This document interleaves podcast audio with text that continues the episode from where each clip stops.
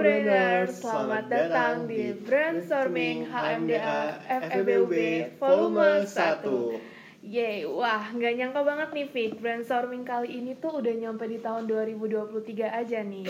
Betul banget nih Mel. Selama ini pastinya udah banyak banget gak sih isu-isu yang udah dibahas nih di kegiatan brainstorming pada tahun-tahun sebelumnya? Bener banget tuh Fik Oke mungkin sebelum kita melangkah lebih jauh nih Fik Terkait brainstorming itu apa Kemudian apa aja yang bakal kita bahas hari ini Mungkin kita perkenalan diri dulu kali ya. Karena tuh ada pepatah yang mengatakan bahwa tak kenal tuh maka tak sayang. Kalau misalnya udah kenal ya monggo disayang. Katanya sih gitu Fik Oke, kenalin nama aku Melvina Christine Siregar. Aku dari Departemen Akuntansi 2022 Nah, di sini aku nggak sendiri nih Brainers, karena aku bakalan ditemenin partner aku yang kece juga nih. Oke, terima kasih Melvina.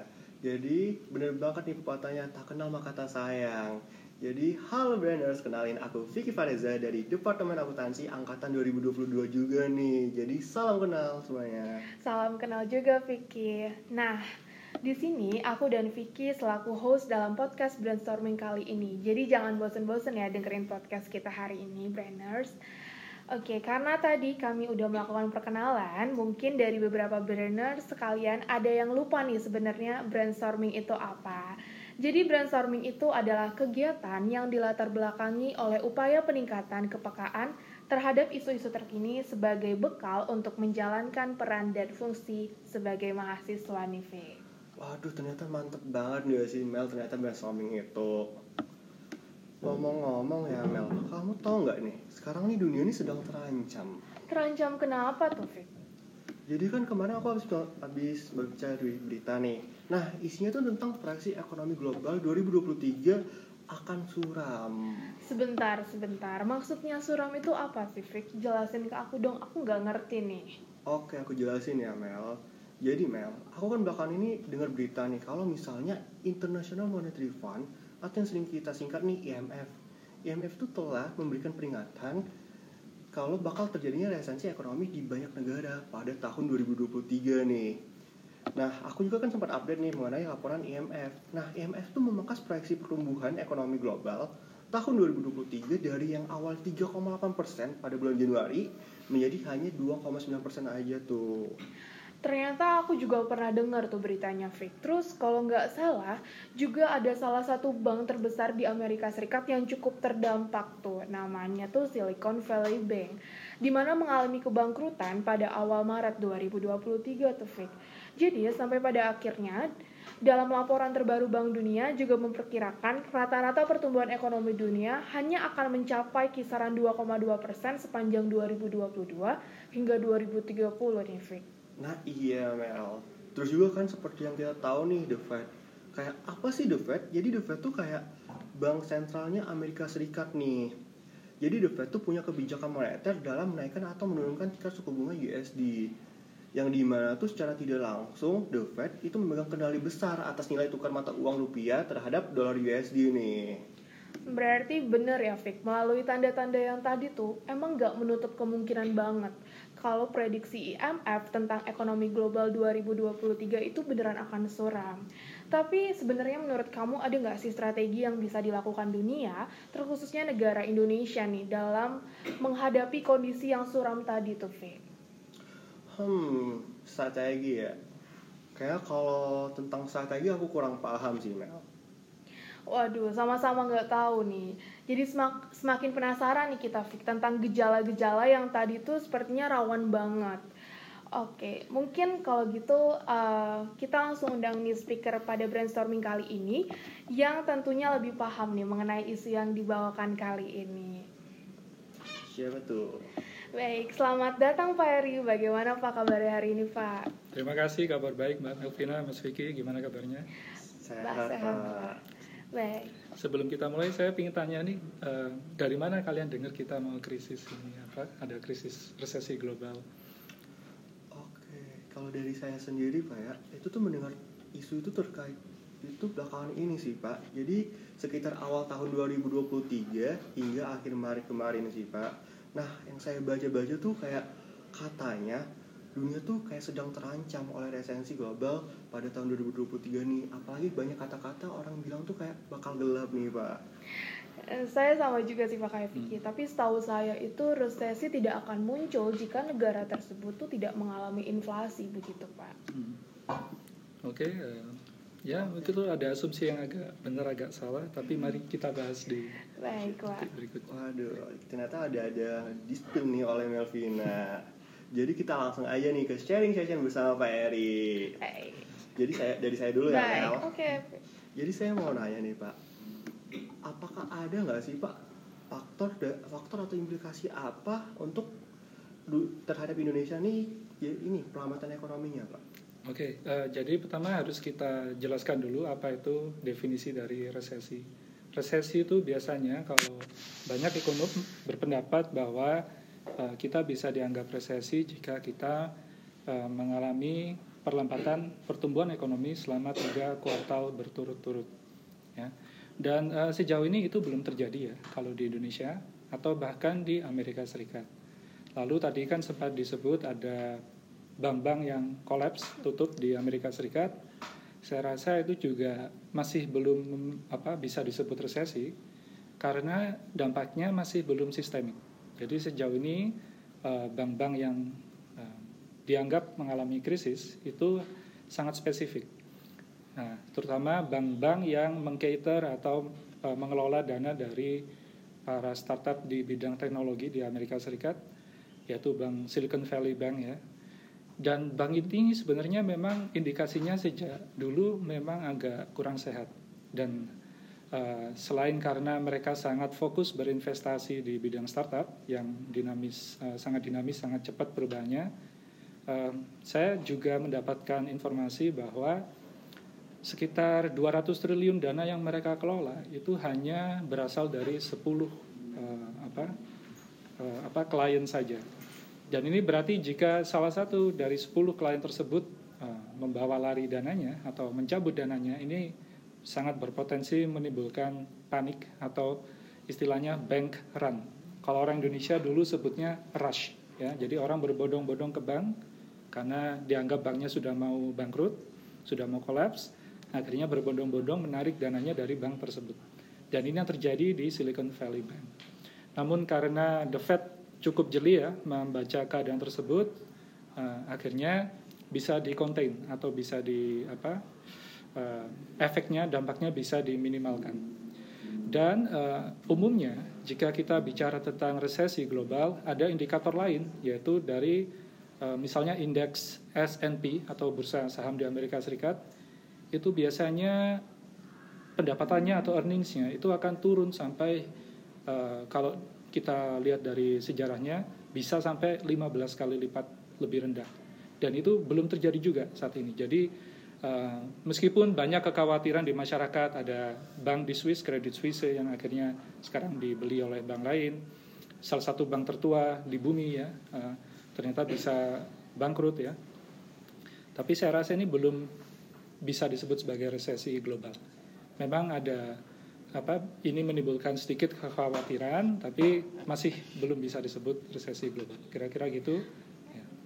Baik, terima kasih Pak. Tadi Pak Eri udah ngejelasin nih, Fik. Hmm. Kalau sebenarnya itu belum tentu resesi. Benar. Cuma menimbulkan kepanikan-kepanikan. Tapi mungkin dari Pak Eri nih Pak, ada nggak sih Pak prediksi yang kemungkinan terjadi atas ketidakpastian perekonomian global tersebut tuh Pak sepanjang tahun 2023? Oke, okay, uh, eh, kalau kita bahas uh, konteksnya Indonesia, apakah Indonesia akan terdampak dengan apa yang terjadi di perekonomian global? di era yang sangat hyper globalized saat ini pasti kita akan terdampak ya. Tapi kita juga perlu memahami bahwa dampaknya seharusnya tidak akan separah pada saat seperti saat krisis finansial Asia pada tahun 97 lalu atau bahkan krisis subprime mortgage di Amerika tahun 2008 lalu. Ya, eh, kenapa kok saya bisa pede bilang kita nggak akan terdampak separah uh, di seperti di dua event tersebut? Yang pertama, kita harus melihat struktur fundamental uh, perekonomian kita. Jadi pada zaman saat turunnya Soeharto dulu, jadi Soeharto dulu dipaksa turun karena ada krisis finansial ya, krisis ekonomi. Perekonomian kita tuh sangat terekspos terhadap perekonomian global. Jadi kalau kita merujuk pada satu source dari uh, Swiss um, think tank ekonomi ya, KUH dan ETH sebagainya, KUF maaf, KUF dan ETH dan sebagainya. Uh, tahun 97 kita terekspos terhadap perekonomian global tuh hingga mencapai 70%. Ibaratnya kalau orang tinju, Anda misalnya dipukulin sama lawan Anda, 70% pukulan itu nyampe ke muka Anda, kena wajah Anda kemungkinan besar Anda akan babak belur ya, hancur, jatuh. Tapi hari ini tidak seperti itu. Hari ini kita hanya berada di posisi 124 atau bahkan menurut indeks lain kita di posisi 130 dalam hal globalisasi ekonomi. Hari ini kita hanya terekspos terhadap perekonomian global sebanyak 38 hingga 47 persen saja. Dan ini berarti um, ada peluang sangat besar bahwa kita bisa bertahan dari serbuan krisis uh, jika ada krisis global terjadi kembali ya. Dan berikutnya ada indikator lain um, masalah hutang.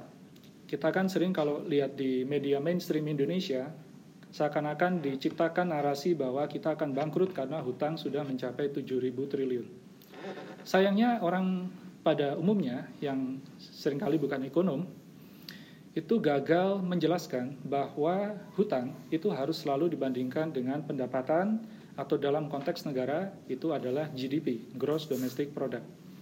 GDP atau produk domestik bruto kita itu sangat besar sehingga jika kita bandingkan dengan hutang yang kita miliki saat ini rasionya tidak sampai 40%. Dan ini sangat-sangat aman. Karena di undang-undang kita bisa dianggap tidak aman jika sudah mencapai level 60%. Sebagai referensi, hutang Singapura rasionya mencapai 110%, Jepang mencapai 265% dan mereka tidak bangkrut sampai hari ini. Kita 40% nggak sampai ya, tidak punya alasan untuk dinyatakan bangkrut.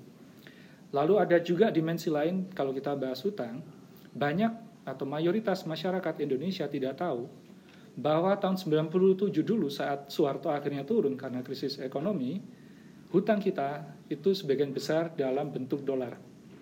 Jadi saat dolar memukul mata uang Asia, ya diawali dari baht Thailand, lalu um, merembet ke Asia sampai ke rupiah, itu um, karena utangnya dalam bentuk dolar, jadi saat dolar menguat signifikan terhadap rupiah, alhasil pembayaran hutang jadi jauh lebih berat.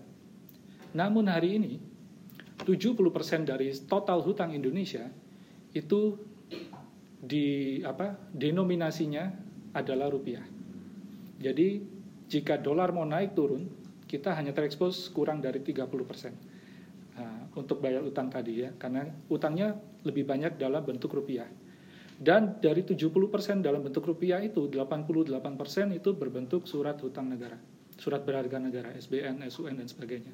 Ya, jadi uh, dari segi exposure kita sangat rendah, ya exposure ekonomi kita sangat rendah.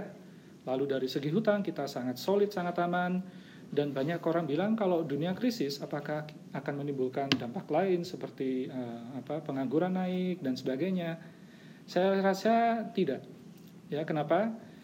Karena sejak pandemi kita sudah bangkit ya perekonomiannya pertumbuhannya positif.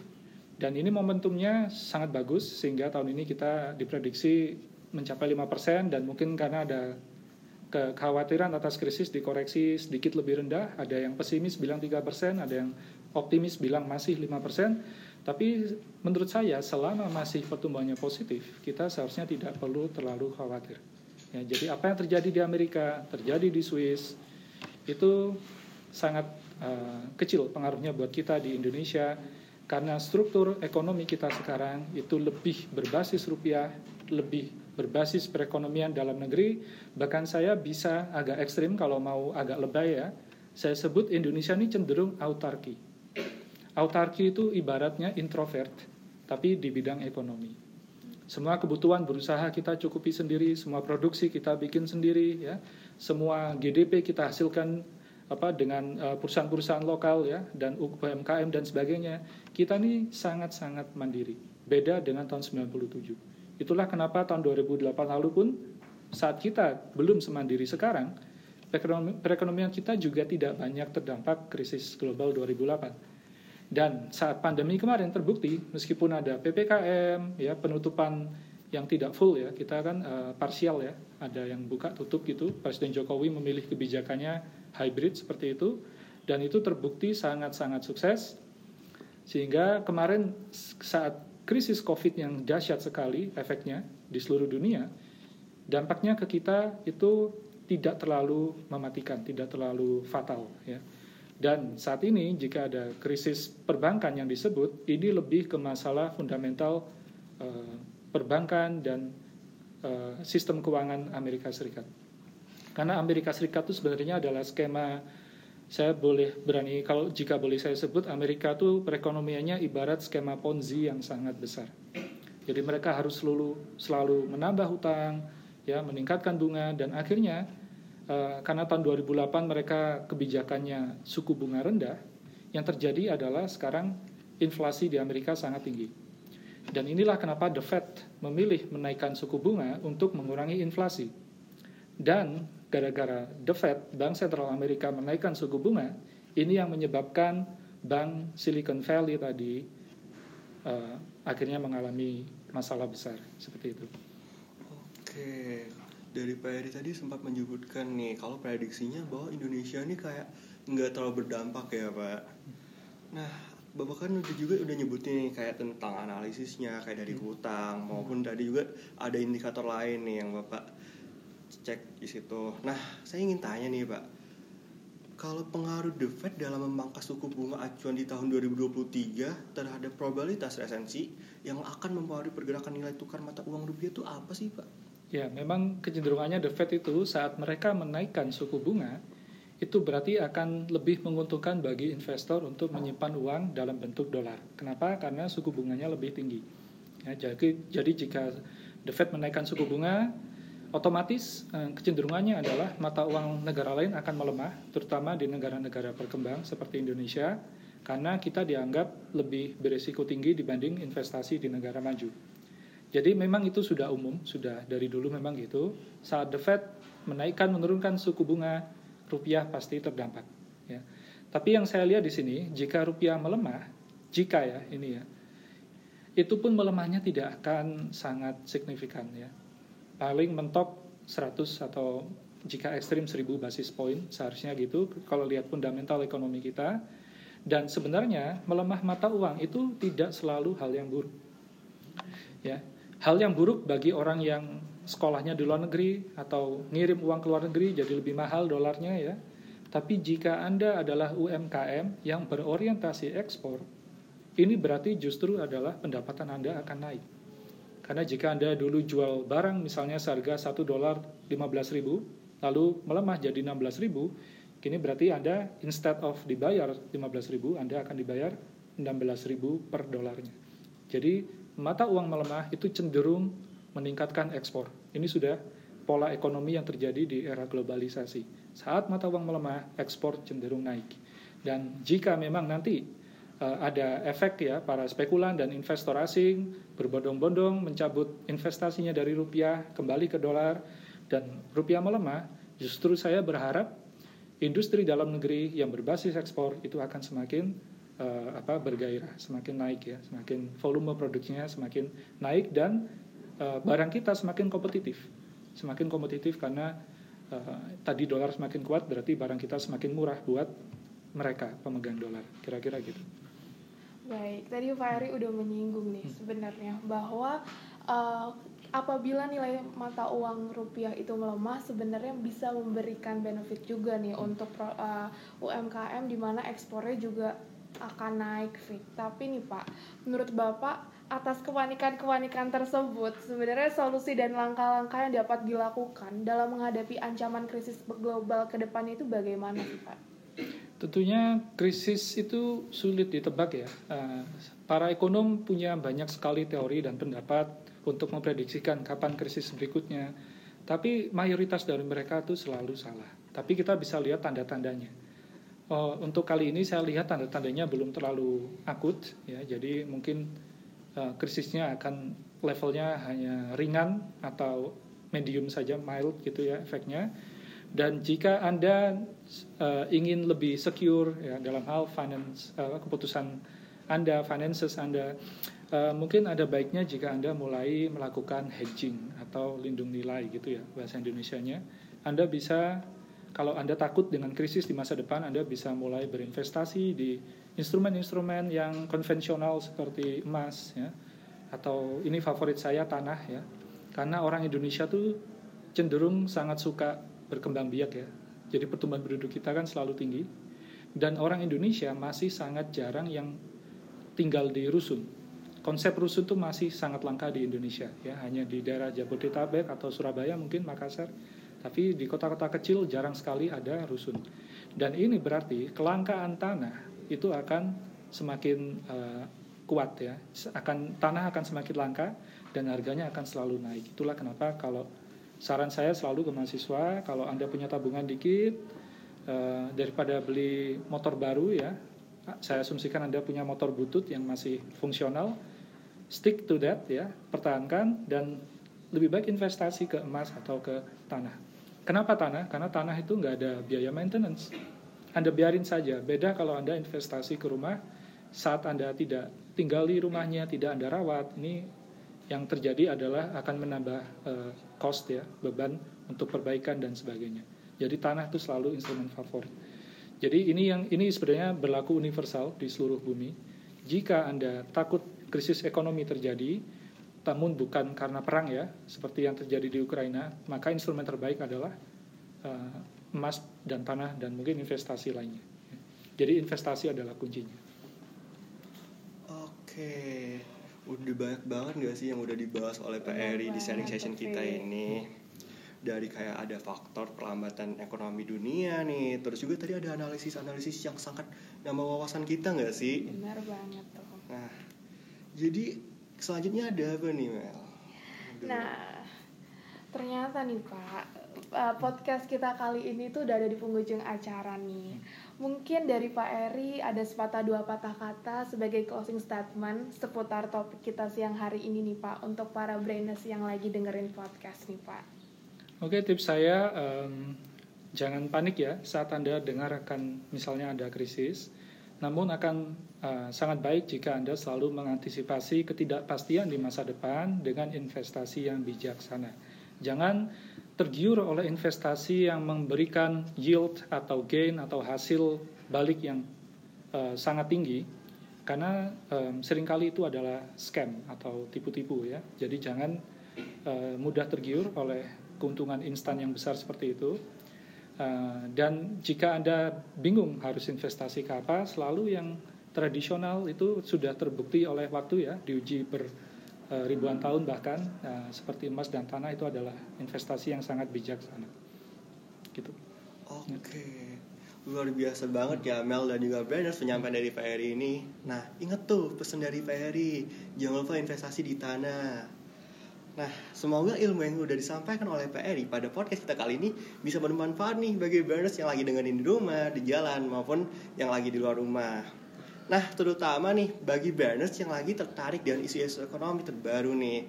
Karena di brainstorming ini, kita membahasnya secara informatif banget nih dan juga dapat memberikan wawasan kepada burners semua agar burners tuh bisa mendapatkan wawasan yang lebih luas gitu. Baik, sekali lagi kami ucapkan terima kasih kepada Pak Eri karena sudah meluangkan waktunya untuk podcast kita hari ini nih, Fik.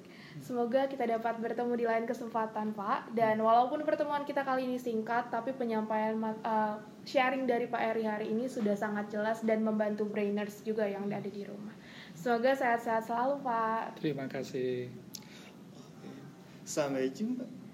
Sampai jumpa, jumpa Pak Eri dan sampai, jumpa juga brainers. Terima kasih. Terima kasih, Pak. Terima kasih.